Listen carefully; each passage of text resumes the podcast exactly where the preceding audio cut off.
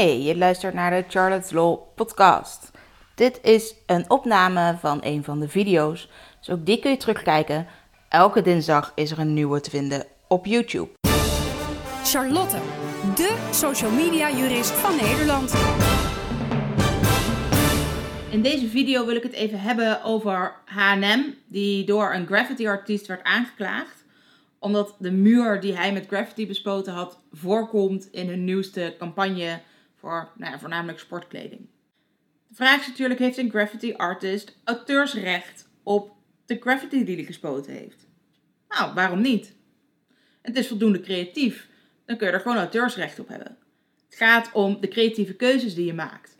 En de scheppende menselijke arbeid die daarin zit. Het mag niet te banaal en triviaal zijn. Dus tags zijn meestal niet beschermd door het auteursrecht, maar alle, alle andere graffiti wel. Nou, welke rechten krijg je nou als auteursrechthebbende? Dat is een verbodsrecht. Je mag anderen verbieden om jouw werk openbaar te maken en te verveelvoudigen.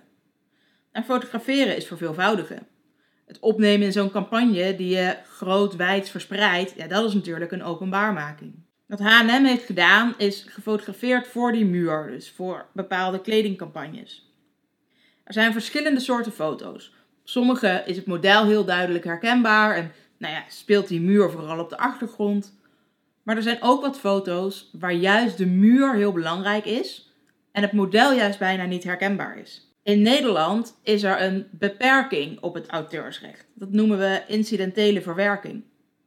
Als er dan een werk voorkomt in een ander werk, dus de foto's van H&M zijn ook gewoon werken, maar daar zie je de graffiti muur in, als dus die gravity muur van ondergeschikt belang is, dan noemen we dat incidentele verwerking.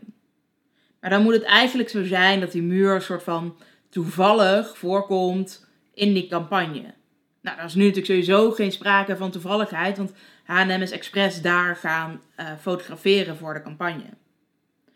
Maar als je dus gewoon naar de foto's kijkt, verschilt de ene foto wel duidelijk van de andere, zoals ik al zei. De foto's waar vooral het model heel belangrijk is en daar je aandacht ook naartoe getrokken wordt, naar de kleding en naar de moves die hij maakt, ja, dan is de muur met de graffiti, dat is dan wel incidentele verwerking. Maar zo'n foto waar juist de graffiti eigenlijk het allerbelangrijkste is, dat is dus gewoon een verveelvoudiging van de graffiti op die muur.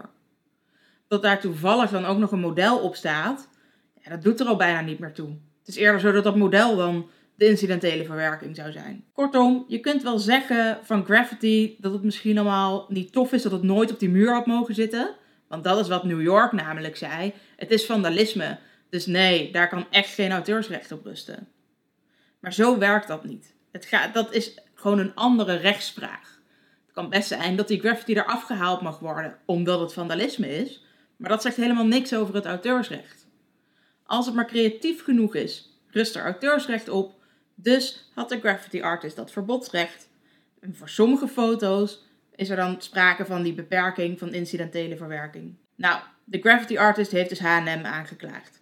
Daar speelt het natuurlijk in de VS. Daar geldt deze specifieke uitzondering niet. We moeten dus nog even afwachten hoe het af gaat lopen. Maar in Nederland, sommige foto's, daar zou H&M echt niet mee wegkomen.